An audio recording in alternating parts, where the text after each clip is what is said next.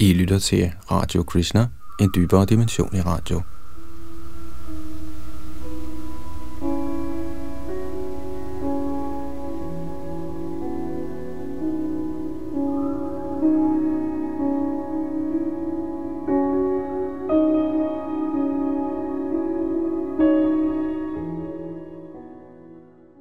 I Shrimad Bhagavatams 10. bog er vi i øjeblikket i gang med kapitel 87, der hedder De læmeliggjorte ved deres bønder.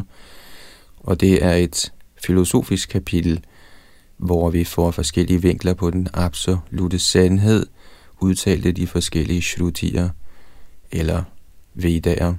Sidste gang slap vi ved tekst 25, og der fortsætter vi i dag. Bag mikrofonen og teknikken sidder Yadunandandas. Das.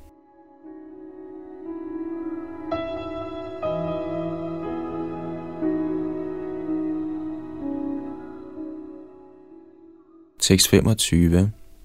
Formodede autoriteter, der erklærer, at materien er oprindelsen til eksistensen, at sjælens permanente kvaliteter kan ødelægges, at selvet er sammensatte adskilte aspekter af ånd og stof, eller at værtslige transaktioner udgør virkeligheden. Alle sådanne autoriteter baserer deres undervisning på fejlagtige idéer, der tilslører sandheden den dualistiske opfattelse af det levende væsen er frembragt af naturens tre kvaliteter, er kun et produkt af uvidenhed. En sådan opfattelse har ingen virkelig basis i dig, for du er transcendental til al illusion og nyder altid fuldendt total bevidsthed.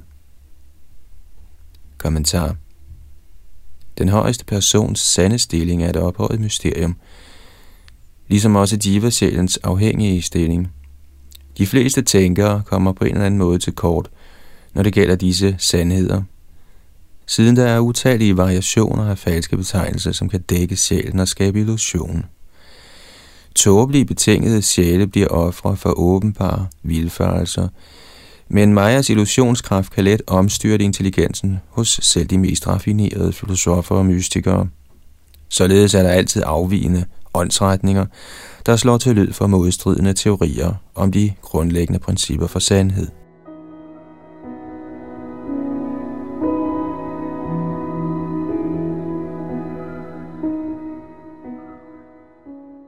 I traditionel indisk filosofi har tilhængere af filosofierne Vaisheshika, Nyaya, Sankhya, Yoga og Mimamsa alle deres egne forfejlede idéer hvilket de læmeliggjorte vedaer gør opmærksom på i denne bøn.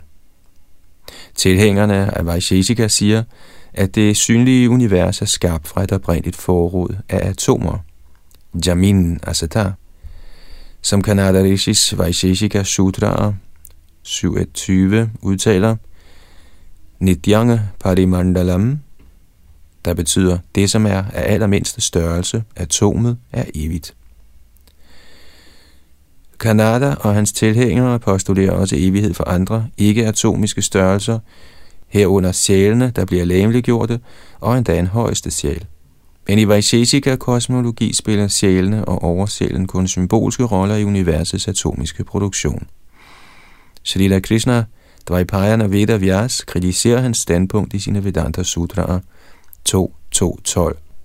Ubhayatapi nakaramatas tadabhava Ifølge denne sutra kan man ikke hævde, at atomer ved tiden for skabelsen først forbinder sig med hinanden, fordi de er blevet drevet af en eller anden karmisk impuls, påhæftet atomerne i sig selv, siden atomer i deres urtilstand, før de forbandt sig til sammensatte genstande, ikke har noget etisk ansvar, der kunne foranledige dem til at antage fromme og syndige reaktioner.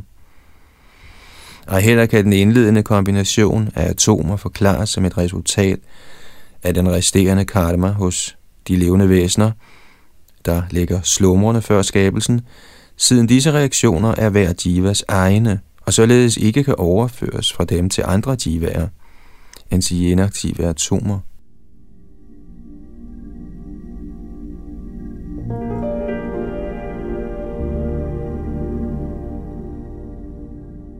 Udtrykket Jamin og Satar kan alternativt forstås som hentydende til Patanjali Rishis yoga-filosofi, for så vidt som hans yoga sutra lærer en, hvordan man opnår brahmin-status ved en mekanisk metode af øvelser og meditation.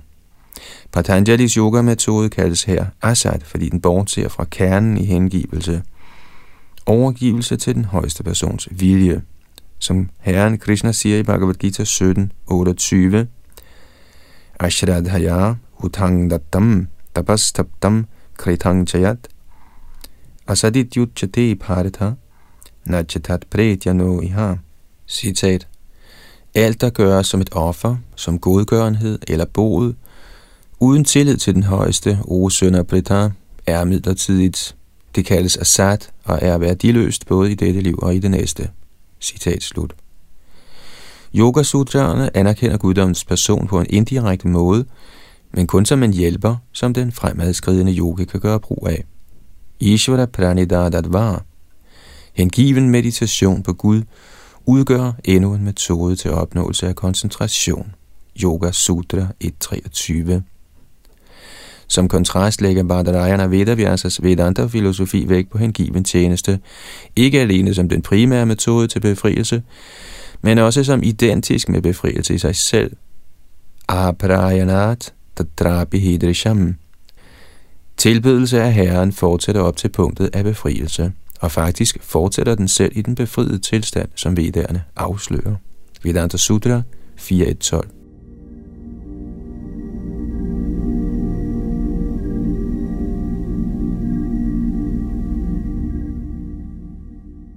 I sine Nyaya Sutraer hævder Gautama Rishi, at man kan opnå befrielse ved at negere både illusion og sorg. Dukkha janama pravritti dosha mithya jnananam uttaro tarapapaye tadanantara bhavat appavarga. Citat.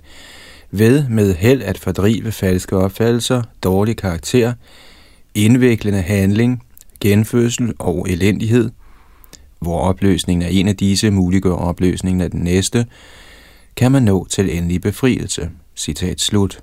Nyaya Sutra 112 men siden jeg er filosoferne ikke mener, at bevidsthed er et væsentligt træk ved sjælen, hævder de, at den befriede sjæl ikke har bevidsthed. Nyajas idé om befrielse placerer således sjælen i tilstanden af en død sten. Dette Nyaya-filosofernes forsøg på at dræbe sjælens iboende bevidsthed bliver af de læmeliggjorte vedder her kaldt Satomridim. Men Vedanta Sutra 2.3.17 siger utvetydigt, Gyotaiva, Diva-sjælen er altid en kender.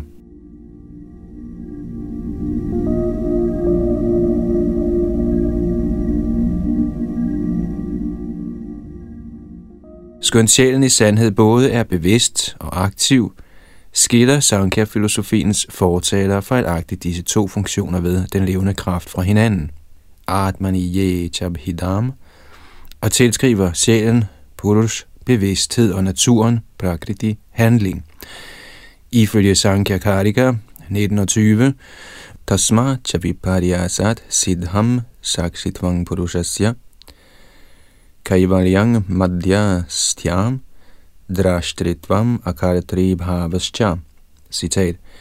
Således, eftersom de tilsyneladende forskelle mellem purusharer kun er overfladisk, da de skyldes tildækninger fra naturens forskellige kvaliteter, viser Purusharens faktiske status sig at være den af et vidne, karakteriseret af hans adskilthed, hans passive ligegyldighed, hans status som jagttager og hans uvirksomhed.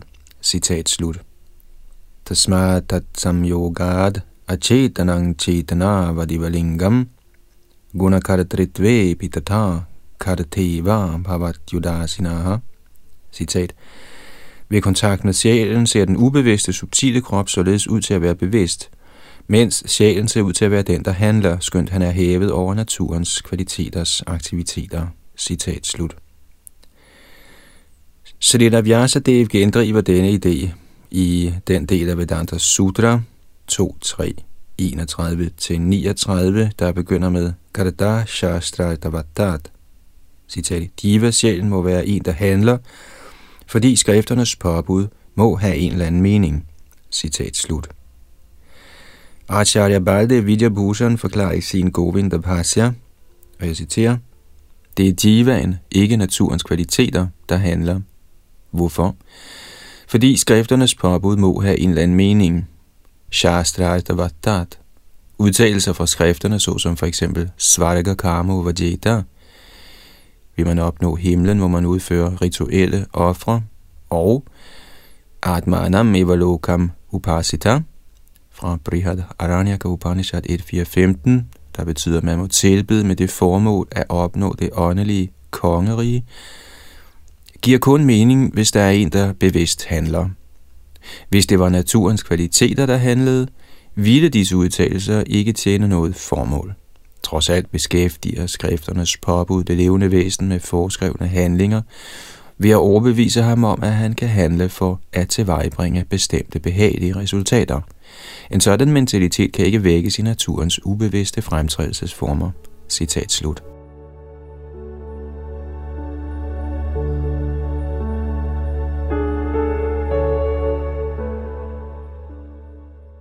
I sine Pulva Mimamsa Sutraer fremstiller Jaimini Rishi materielt arbejde og dets resultat som den totale virkelighed. Vibhanam Ritam.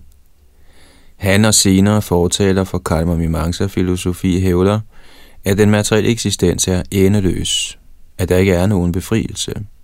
For dem er karmas cyklus evig, og det bedste man kan gøre er at efterstræbe højere fødsler blandt halvguderne. Derfor siger de, at hele formålet med vedderne er at beskæftige mennesker med ritualer for at skabe god karma, og følgelig er det den modne sjæls ansvar at gøre sig fortrolig med den nøjagtige betydning af vedernes offringsmæssige påbud, samt udføre dem. Chodana lakshanot dharma. Pligt er det, som indikeres af vedernes påbud. Fra Purva Mimamsa Sutra i det 2. Men Vedanta Sutra beskriver udførligt, navnlig i fjerde kapitel, der omhandler til endelige mål, sjælens potentiale til at opnå udfrielse fra fødsel og død, mens rituelle ofre tillægges en mindre rolle som værende fordelagtige som kvalifikation til at opnå åndelig kundskab. Som udtalt der, Vedanta Sutra 4.1.16, Agnihotra ditutat karyayai vatadarshanat, citat, Agnihotra og andre vediske ofre er kun beregnet på at frembringe kundskab, som vedernes udtalelser viser. Citat slut. Og Vedanta Sutras aller sidste ord, 4.4.22, bekendtgør Anavritti Shabdat. Den befriede sjæl vender aldrig tilbage til denne verden, som lovet af de åbenbarede skrifter.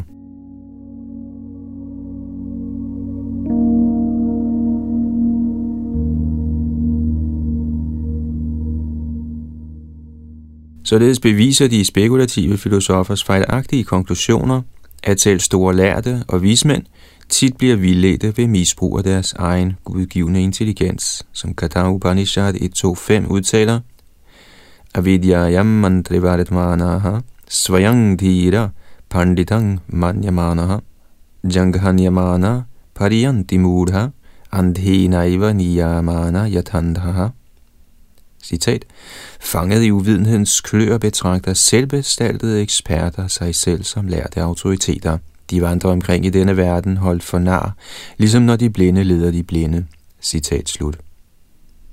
Af de seks ortodoxe filosofier i den vediske tradition, Sankhya, Yoga, Nyaya, Vaisheshika, Mimamsa og Vedanta, er det kun Bandarayana Vyasas Vedanta, der er fri for fejl, og der kun når den bliver behørigt forklaret af de ægte Vaishnavacharyaer. Alligevel bidrager hver af de seks åndsretninger praktisk til vedisk uddannelse. Ateistisk Sankhya forklarer elementernes evolution fra fint til grov. Patanjalis yoga beskriver den ottefoldige metode til meditation. Nyaya fremsætter logikkens teknikker, Vaisheshika behandler virkelighedens grundlæggende metafysiske kategorier, og Mimamsa giver standardredskaberne til fortolkning af skrifterne. Udover disse seks er der også buddhisternes, jainernes og charvakarnes mere afvigende filosofier, hvis teorier om tomhed og materialisme benægter den evige sjæls åndelige integritet. I sidste ende er den eneste pålidelige kilde til viden Gud selv. Guddommens person er Abhabhodarasa, den uendelige kilde til perfekt udsyn. Til dem, som forlader sig på ham med absolut overbevisning, skænker han kundskabens guddommelige øjne. Andre, der følger deres egne spekulative teorier, må famle efter sandheden gennem Majas tildækkende slører. Shrita Shridhar Swami beder, Mitya Tarka Shukarkasherita Mahavadhandakarantara Brahmyan Manda Matera Manda Mahimangstvat Vartmas Bhutam Shriman Madhva Vamana Tri Nyaya Shri Shankara Shri Pati Govindeti Mudavadan Madhupati Mukta Kada Syamaham Citat For den betingede sjæl, der vandrer i mørket af de ophøjede filosofier, der udbredes gennem den falske logiks brutale metoder, forbliver vejen af sand kundskab om dig, o Herre, over strålende pragt, usynlig. O Herre, over Madhu, lykkegudindens ægte mand, hvornår vil jeg blive befriet ved henrygt at synge dine navne, Madhav, Varman, Trinayan, Shri Shankara, Shripati og Govinda. Citat slut.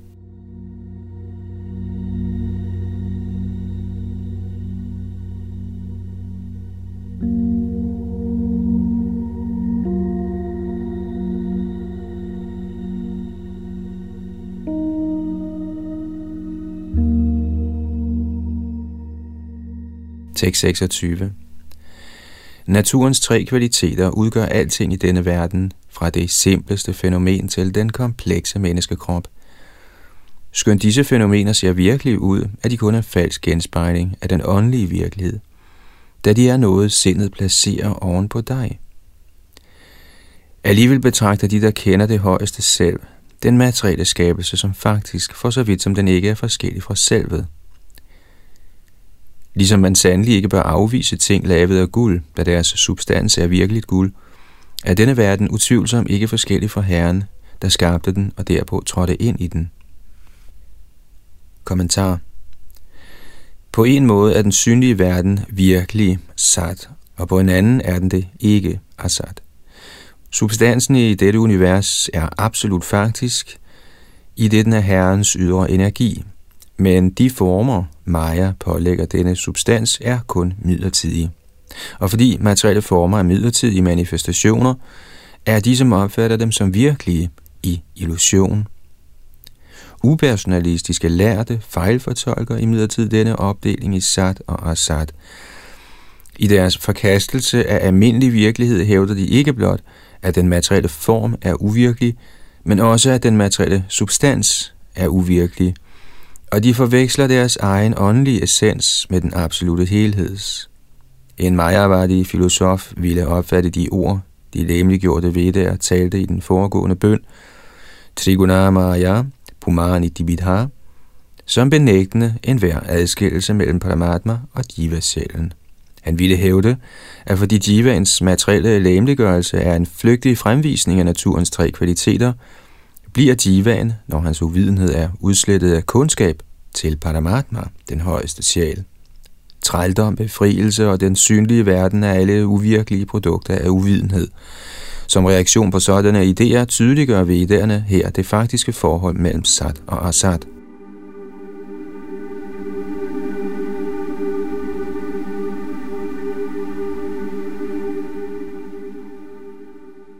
I Shruti-litteraturen finder vi denne udtalelse, Asato Dhimano Shrijata Mana Prajapati Praja Ashrijat Tadva Idang Manasiva Paramang Pratishtitang Yad Idam Kimcha. Citat. Det højeste sind blev oprindeligt skabt fra Asat. Dette sind skabte Prajapati, og Prajapati skabte alle levende væsener. Således er alene sindet det endelige fundament for alt, der er til i denne verden. Citat slut. Skønt upersonlighedstilhængere kunne fejlfortolke dette til at betyde, at al synlig eksistens er baseret på illusionens uvirkelighed, asad, henviser den til synlædende modsatte brug af ordet asad i dette stykke til den oprindelige årsag, den højeste guddom, siden han er transcendental til den materielle eksistens, sat. Logikken i Vedanta Sutra 2.1.17 bestyrker denne fortolkning, mens den benægter upersonlighedstilhængernes forkerte fortolkning. Asadvyapadesha neti chena dharmantarena vakya sheshat. Citat. Skulle man indvende, at den materielle verden og dens kilde ikke kan bestå af én substans, siden verden er blevet kaldt uvirkelig, svarer vi, nej, fordi udtalelsen om, at Brahman er Asad, giver mening i den forstand, at han har kvaliteter, der er adskilt fra kvaliteterne i skabelsen. Citat slut. Således udtaler Taittiriya Upanishad 2.7.1 Asadva idam agra asit. I begyndelsen af denne skabelse var kun Asad til stede.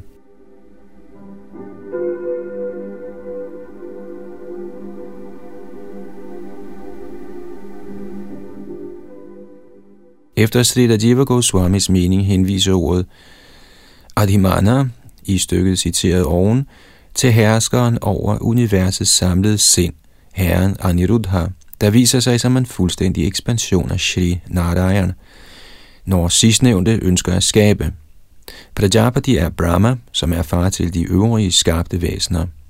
Dette bliver beskrevet i Mahanarayan Upanishad 1.4. Atha punar eva narayana sonyang kamang manasadhyayet tasya dhyananta sthasya lalanat svedo patat ta ima pratata patasu tejo hiranamayam andang tatra brahma chaturmukho jayata. Citat.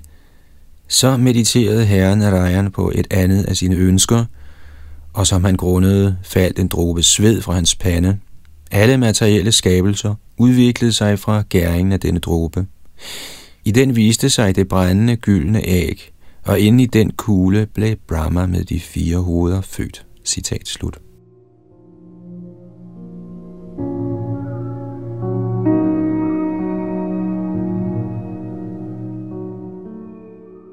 Når en bestemt genstand bliver fremstillet, viser den sig som en omformning af dens ingrediensmæssige årsag, som i tilfældet med smykker lavet af guld.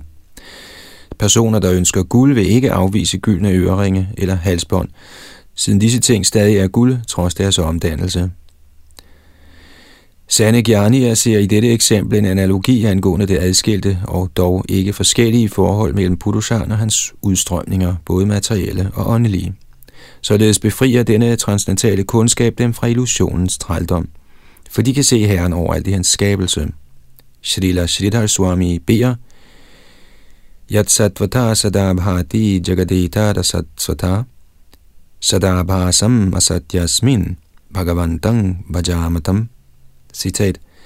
Lad os tilbede guddommens højeste person, gennem hvis faktiske væren denne verden ser ud til at eksistere permanent – skønt den i grunden er flygtig. Som oversælen repræsenterer han det virkelige inden for denne uvirkelighed. Citat slut.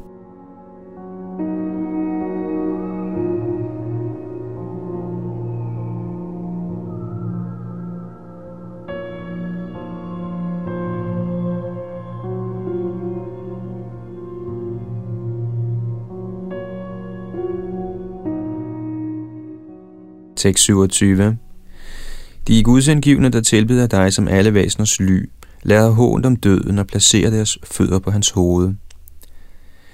Men med vedernes ord binder du de ikke hengivne som dyr, skønt de måtte være umådeligt store lærte.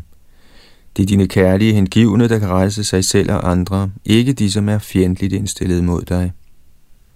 Kommentar de læmeliggjorte veder har nu afvist de fejlagtige filosofier fra adskillige stridende åndsretninger – Vaishishikaernes Asad Utpattivad, der postulerer en materiel kilde til skabelsen, Nayayikaernes Sadvinashavad, der fratager den befriede sjæl bevidsthed, Sankhjernes Sagunat for Bedavad, der isolerer sjælen fra alle hans åbenbare kvaliteter, Mimangsakarnes Vibhanavad, der dømmer sjælen til evig indvikling i karmisk handling, samt Majavardiernes Vivardavarda hævder, at sjælens virkelige liv i denne verden er en hallucination.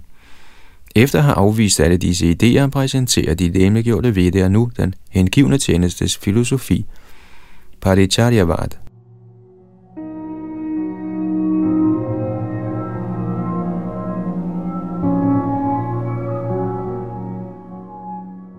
Vaishnaverne, der accepterer denne filosofi, lærer os, at jiva-sjælen er en atomisk partikel af åndelig personlighed – der besidder en ganske lille mængde viden. Han er ikke uafhængig og har ingen materielle kvaliteter. Da han er ganske lille, er han tilbøjelig til at komme under kontrol af den materielle energi, hvor han lider det materielle livs kvaler. Han kan alene afslutte denne lidelse og genvinde sit ly under den højeste herres guddommelige indre energi ved at yde herren hengiven tjeneste, ikke ved frugtstræbende arbejde, mental grubleri eller nogen anden metode. Som herren Krishna selv siger, Bhaktyaham ekayagrahya, Shradhayatma priya satam, Bhakti punadiman nishtha, Shvapagan abhisambhavat. Citat. Kun ved at yde mig ublandet hengiven tjeneste i fuld tillid, kan man nå mig, guddommens højeste person. Jeg er naturligt afholdt af mine hengivne, der ser mig som den eneste genstand for deres kærlige tjeneste. Ved at yde sådan ren hengiven tjeneste, kan selv hundeædere rense sig selv for besmittelsen af deres ringe fødsel. Citat slut. Bhagavatam 11, 14, 21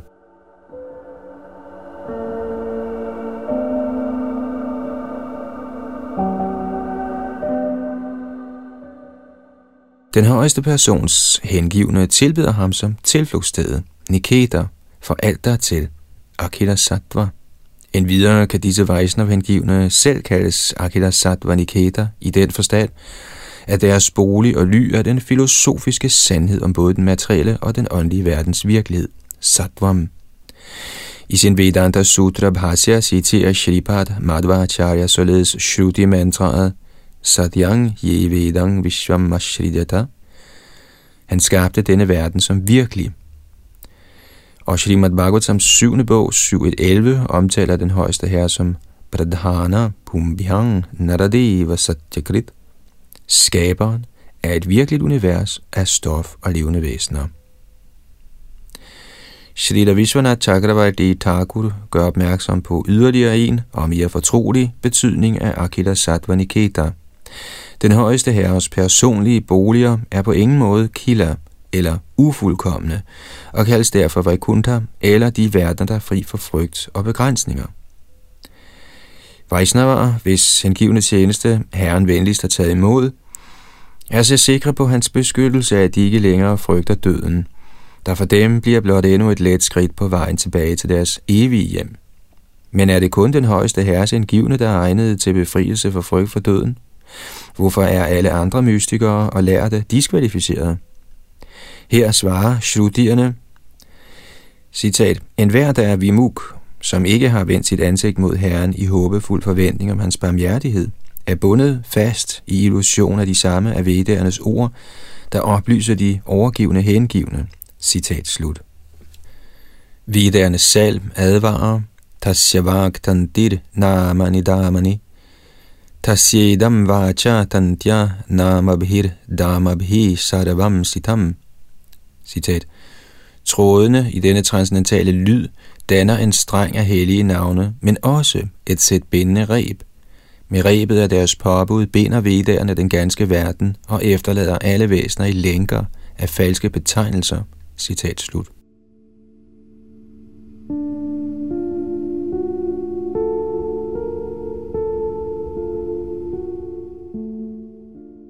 Sjælens og oversjælens virkelighed er abaroksha, synlig, men kun for en med transcendentalt syn. Filosofer, hvis hjerter er urene, antager fejlagtigt, at denne sandhed i stedet er paradoxer, at den kun kan grubles over og aldrig opleves direkte. Sådanne tænkeres viden kan måske hjælpe dem til at udradere visse tvivl og misforståelser om de lavere aspekter af virkeligheden, men den er ubrugelig, når det kommer til at transcendere materiel illusion og nærme sig den absolute sandhed. Som en grundlæggende regel modtager kun de hengivne, der trofast yder den højeste herre tjeneste op til punktet af fuldstændig renselse, hans nåde i form af abaroksa og gyan, direkte erkendelse af hans storhed og vidunderlige medlidenhed.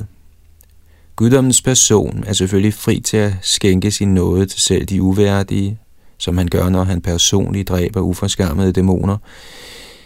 Men han er langt mindre tilbøjelig til at velsigne majaværdier og andre ateistiske filosofer.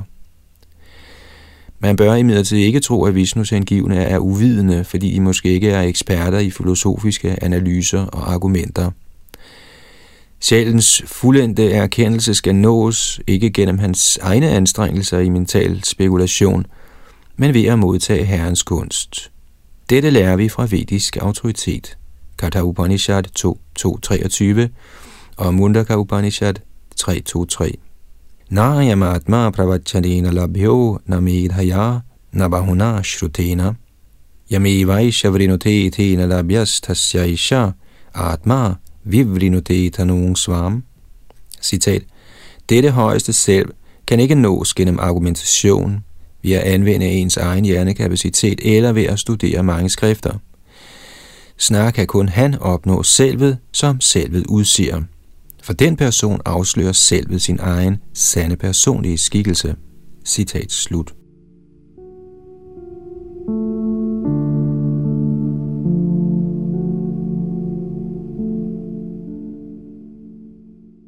Andet sted beskriver Shrutien den hengivnes succes.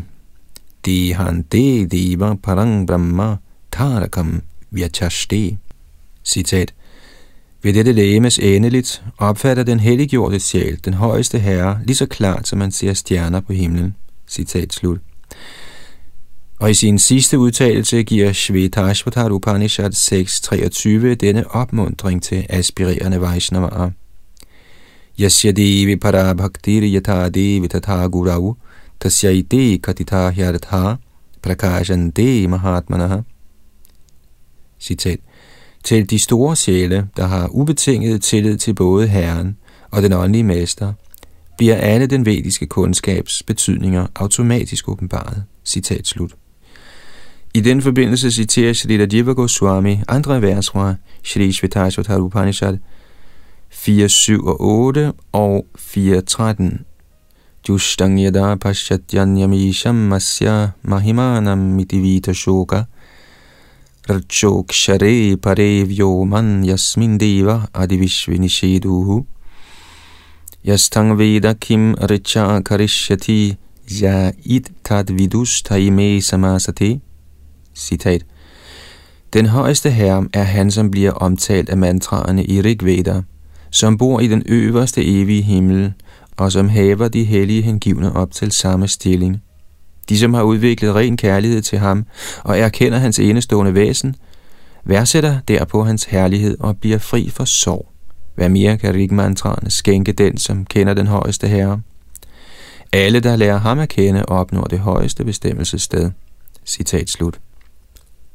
Jo vedanam madhipo yasmilloka adhishritaha Yaisho syad vipadas chatushpadas tasmai devaya havisha vidhema. Citat. Til ham, der er mester ud i alle vedaer, i hvem alle planeter hviler, som er alle kendte væseners herre, både de tobenede og firebenede, til ham, guddommens person, frembærer vi vores tilbedelse med gaver at give. Citat slut. Med henvisning til dem, der ønsker befrielse, beder Shrita Shrita Swami. Tabandu tabai prapatantu paravatat atantu tirthani patantu chagaman yajantu vagaire vivadantu vadaire haring vina naivamratim taranti. Citat. Lad dem lide selvtugt, kaste sig ud fra bjergtoppe, rejse til hellige steder, studere skrifterne, tilbede med ildofre og argumentere for forskellige filosofier, men uden Herren har de, aldrig komme hinsides døden. Citat slut.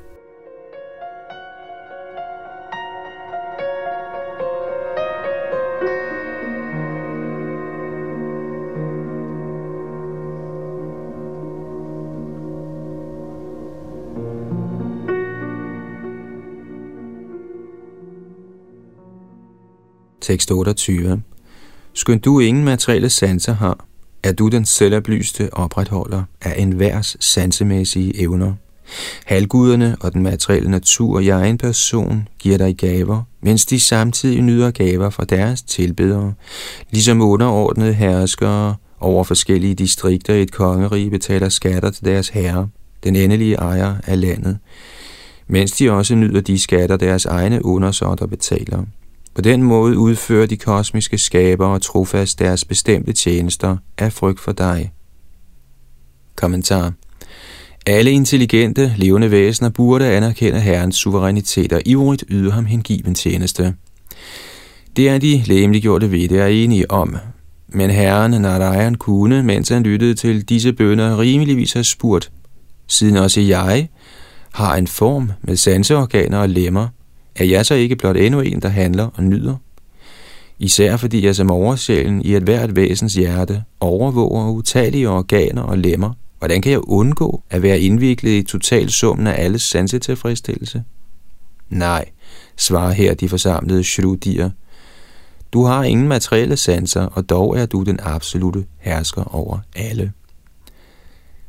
Som udtrykt i Svetasvatara Upanishad 3.18, Apani Pado Javano Grahita Pashyatya Chakshu shashrino Chakarana Saviti Vedyam Nachatasya Vetta Tamahurargyam Purushang Puranam Citat Han har ingen fødder eller hænder, alligevel er han den hurtigste løber og kan gribe alt. Skønt uden øjne og ører, ser og hører han. Ingen kender ham, dog er han kenderen og genstanden for kendskab. Vismænd beskriver ham som den højeste, oprindelige person i guddommen. Citat slut. Den højeste persons hænder, fødder, øjne og ører er ikke som almindelige betingede sjæles, der stammer fra falsk ego, en materiel substans. Snarere er Herrens transcendentalt smukke træk direkte manifestationer af hans indre væsen. Således er Herren og hans læmelige skikkelse, modsat betingede væseners kroppe og sjæle, identiske i enhver henseende. Endvidere er hans lotushænder, lotusfødder, lotusøjne og andre lemmer ikke begrænset i deres funktion. Shri Brahma, herrens første skabning, lovpriser ham således. Angani asya sakalendriya vritti manti, pashyanti panti kalayanti chirang jaganti, ananda chinmaya sadujvala vigrahasya govindamadi purushang tamahang bhajami. Citat. Jeg tilbeder Govinda, den oprindelige herre, hvis transcendentale form er fuld af lyksalighed, sandhed og virkelighed, og således udstråler den mest blændende glans. Hver af denne transcendentale skikkelses lemmer besidder i sig selv alle andre organers fulde evne, og for evigt ser, opretholder og manifesterer han de uendelige universer, både åndelige og materielle. Citat slut. Brahma Samhita 5.32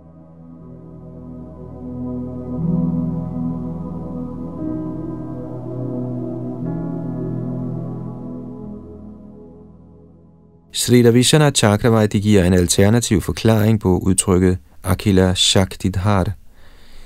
Den kraft, Herren opretholder inde i sig selv, er Akila, fri for de begrænsninger, der præger alt, der er kilder eller underordnet og ubetydeligt. Han giver de levende væsener sans og energi, som beskrevet i Kena Upanishad 1.2. Shrodrasya shrodrang manaso mano yadvacho havacham han er ørens øre, sindets sind og stemmens evne til at tale. Og Svetashvatar Upanishad 6.8 erklærer, Natasyakaryang karanang cha vidyate, natat samascha cha drishyate, parasya shaktir vividhaiva shruyate, svabhaviki gyana balakriyacha. Citat, han har intet materielt arbejde at udføre, og heller nogen materielle sanser til at udføre det med, men finder ingen, der er lige med eller større end han. Fra vedderne hører vi, hvordan den højeste herre besidder mange artede energier, kræfterne til kundskab, styrke og handling, hver af hvilke handler selvstændigt. Citat slut.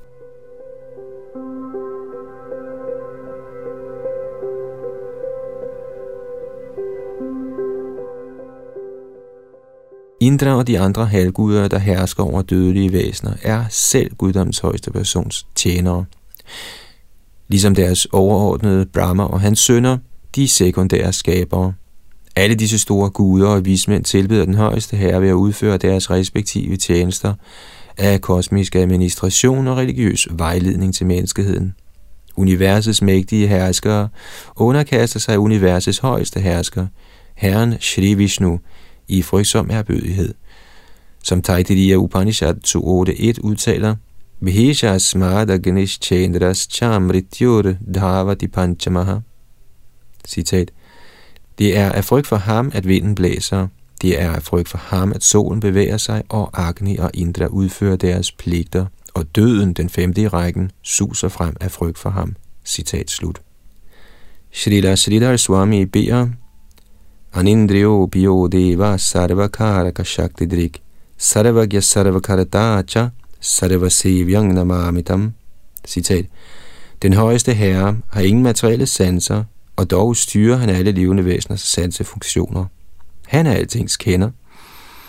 Den endelige udøver af al handling og enhver korrekte genstand for hengiven tjeneste. Jeg viser ham min erbødighed. Citat slut.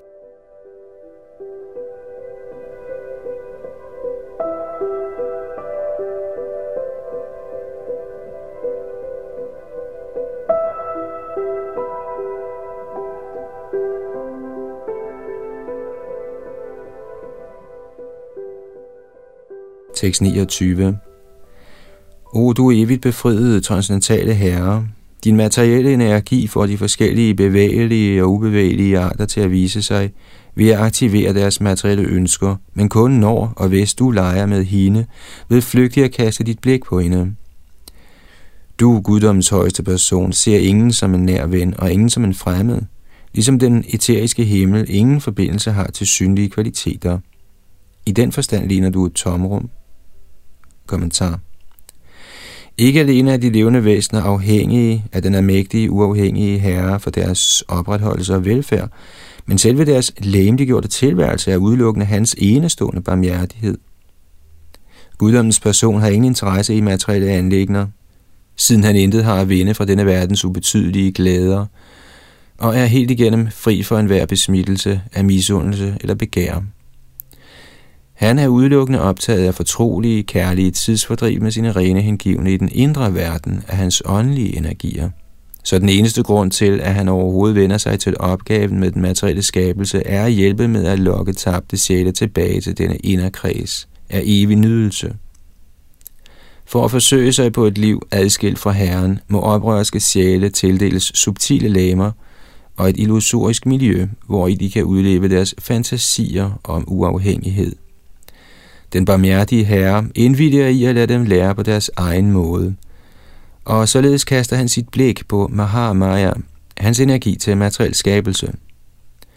Helt enkelt ved hans blik bliver hun vækket og sørger for alle nødvendige foranstaltninger på hans vegne. Hun og hendes hjælpere frembringer utallige mangfoldigheder af grove og subtile lemer, af halvguder, mennesker, dyr osv., til lige med talløse tilstande i himmelske og helvedesagtige verdener. Alle kun for at give de betingede sjæle de nøjagtige faciliteter, de forlanger og fortjener.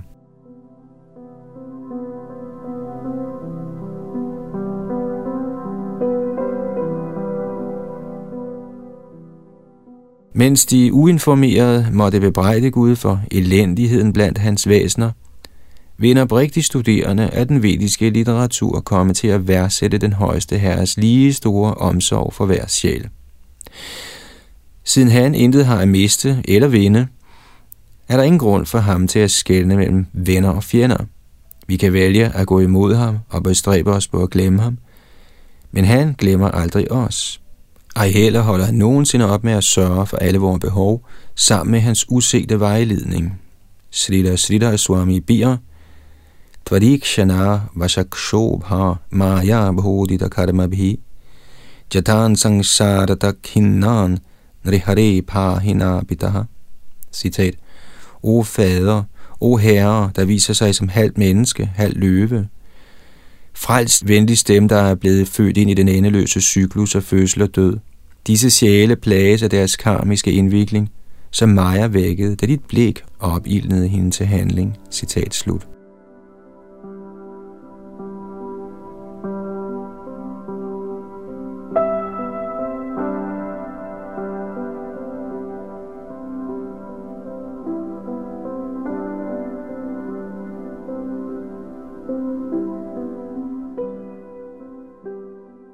6.30.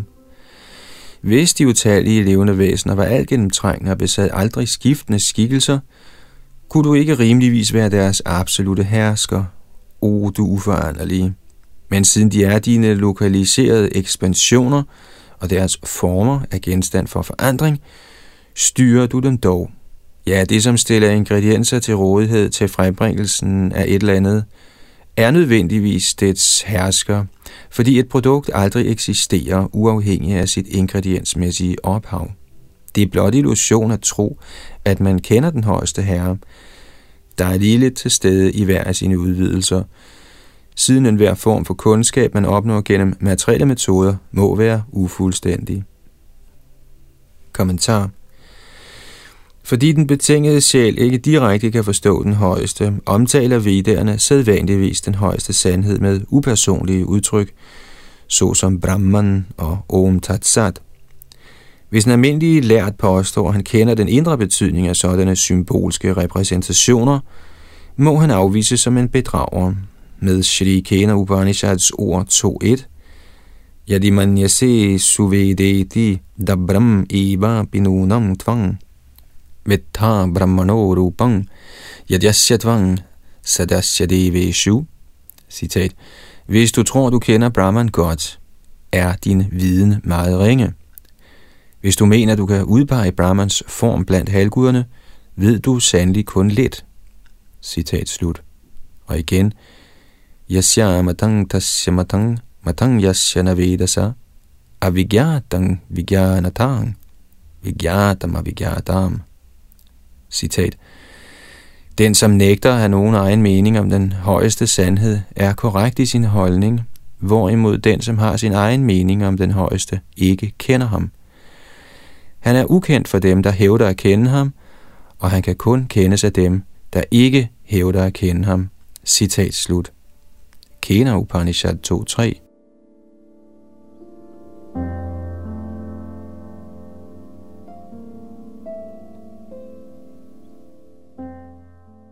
Acharya Sridhar Swami giver følgende forklaring på dette vers.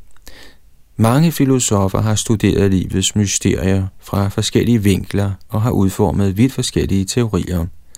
For eksempel postulerer Advaita Mayavadierne, at der kun er et levende væsen og en illusionskraft, Avidya, der dækker ham og frembringer den tilsyneladende mangfoldighed.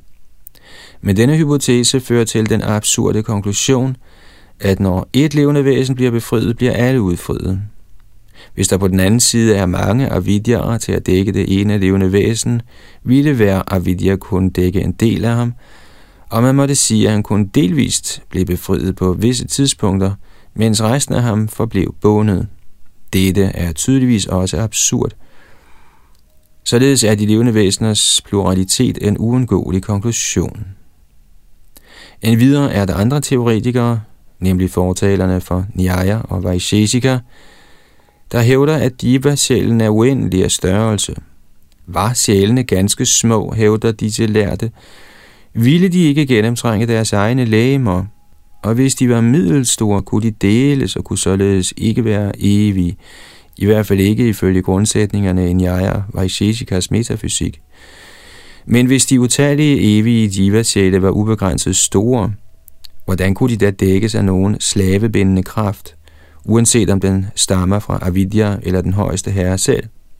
Ifølge denne teori kan der ikke være nogen illusion for sjælen, ingen indskrænkninger at komme fri af. De ubegrænsede sjæle må til evig tid forblive, som de er, uden forandring.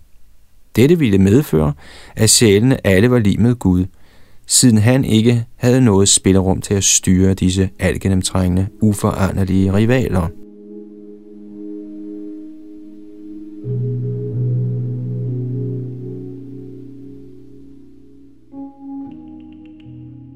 De vediske Shruti-mantraer, der samstemmigt stadfæster Herrens herredømme over de individuelle sjæle, kan ikke på gyldig vis modsiges.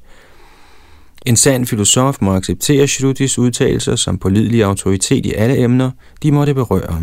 I sandhed stiller den vediske litteratur mange steder den højeste herres vidvarende uændrede enhed i modsætning til de evigt foranderlige læmliggørelser hos de levende væsener, der er fanget i kredsløbet af fødsel og død. Srila Srila Swami beder, Antaryanta Sarvaloka Shagita Shrutya yuktya chaivameva sevya yasarvagya sarva shaktir nrisingha Shrimantang tang cheta saiva valambe. Citat. I mit hjerte søger jeg ly hos ham, der lovprises som den indre hersker over alle verdener, og som Vedderne i sandhed konstaterer gennem logisk resonemang.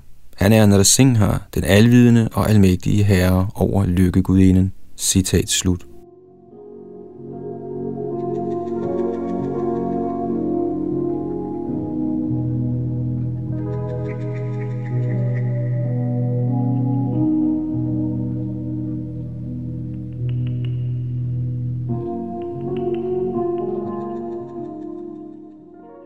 Tekst 31.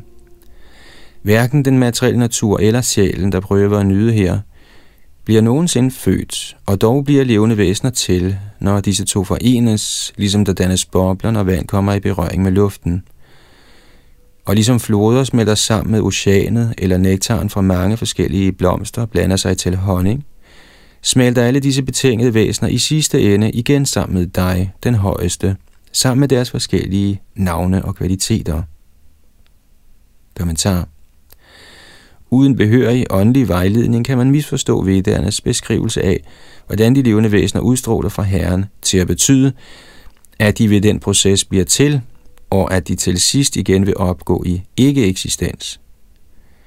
Men hvis de levende væsener således kun eksisterede midlertidigt, og hvis et af dem døde, ville hans resterende karma blot fordufte uden at blive opbrugt, og når en sjæl blev født, ville han bære med sig uforklarlig karma, han intet havde gjort for at fortjene. En videre ville et levende væsens befrielse medføre total udslettelse af hans identitet og væsen. Sandheden er imidlertid, at sjælens essens er den samme som Brahmans, ligesom den lille mængde rum inden for væggene i en lierkrukke i sit væsen er et med den udstrakte himmel. Og i lighed med tilvirkningen og ødelæggelsen af en krukke består den individuelle sjæls såkaldte fødsel i, at han først dækkes af en materiel krop, og hans såkaldte død eller befrielse består i udslettelsen af hans grove og subtile lemmer, en gang for alle. I sandhed finder sådan såkaldt fødsel og død alene sted ved den højeste herres barmhjertighed.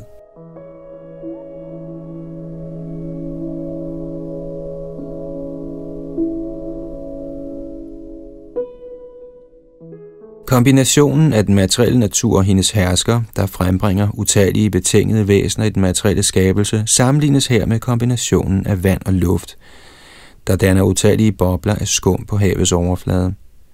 Ligesom den virksomme årsag, luft, tilskynder den ingrediensmæssige årsag, vand, til at danne bobler, inspirerer den højeste Purush ved sit blik, Prakriti, til at omdanne sig selv til rækken af materielle elementer og de utallige materielle former, der dannes ud fra disse elementer.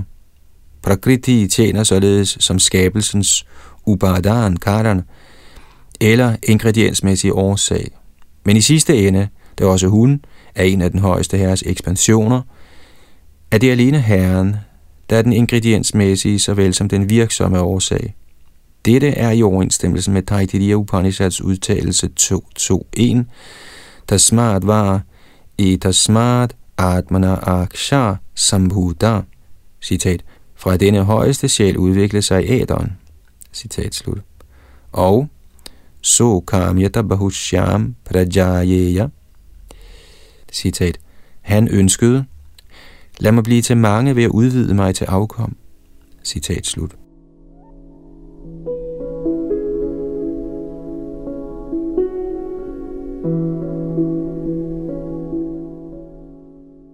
De individuelle divas sjæle bliver ikke skabt, når de så at sige fødes fra den højeste herre og Prakriti. Ej heller bliver de udslettet, når de atter smelter sammen med herren for at genforenes med hans glædestidsfordriv i hans evige kongerige. Og ligesom de ganske små divaer ser ud til at gennemgå fødsel og død uden nogen egentlig forandring, kan den højeste herre udsende og tilbagetrække sine energier, uden selv at blive genstand for omdannelse. Således bekræfter Brihad Aranyak Upanishad 4.5.14, Avinashi Vare Yamatma, citat, denne atma er i sandhed uforgængelig. Citat slut. En udtalelse, der kan bruges både om den højeste sjæl og den underordnede diva sjæl. Som Srila Siddharth Swami forklarer, sker opløsningen af det levende væsens materielle betingelse på to måder, delvis og komplet. Delvis opløsning sker, når sjælen erfarer drømmeløs søvn, når han forlader sit læme, og når sjælen ved tiden for kosmisk opløsning igen træder ind i Mahavishnus krop. Disse forskellige slags udslettelse er som blandingen af nektar, hentet af bier fra forskellige slags blomster. Nektarens varierende smag repræsenterer de slumrende, individuelle karmiske reaktioner hos hvert levende væsen, der stadig eksisterer, men som ikke let kan skilles fra hinanden. Modsat er den endelige opløsning af sjælens materielle betingelse hans udfrielse fra sangsart, der er ligesom flodernes sammenløb med havet. Ligesom vand fra forskellige floder blander sig, når de løber ud i havet og således bliver umulige at skille fra hinanden, opgives de falske materielle betegnelser ved tiden for udfrielse, og alle de befriede jivaer bliver igen ligeligt situeret som den højeste herres tjenere.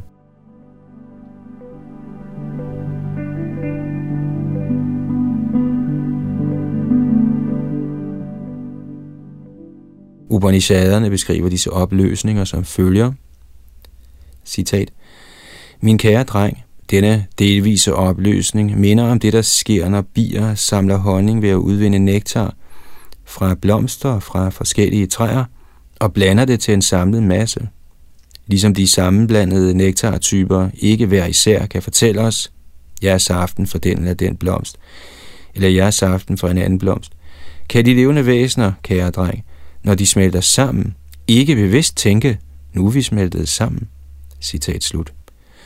Chandogya Upanishad 6.9.1.2 Citat Ligesom floder løber mod deres opløsning i havet og forlader deres navne og former ved deres bestemmelsessted, opnår den vise, der bliver fri for materielle navne og former, den højeste absolute, guddommens vidunderlige person. Citat slut.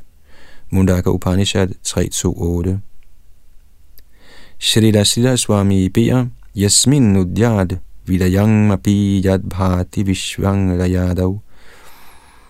Jivo Petang Guru Karunaya Kevalatma Vabodhe Atyantantam Vrajati Sahasa Sindhuvat Sindhu Madhye Madhye Chittang Tri Bhuvana Gurum Bhavaye Tang Nrisingham Citat. Den højeste herre er selvoplyst alvidende. Ved hans store barmhjertighed forbliver dette univers, der er underlagt gentagen skabelse og udslettelse, til stede inde i ham, efter sammen med de levende væsener har opgået i ham ved tiden for kosmisk opløsning. Denne totale tilbagetrækning af den kosmiske manifestation indtræffer pludselig, ligesom når en flod løber ud i havet. I mit hjertes inderste mediterer jeg på denne mester over de tre verdener, Herren Nrasingha. Citat slut.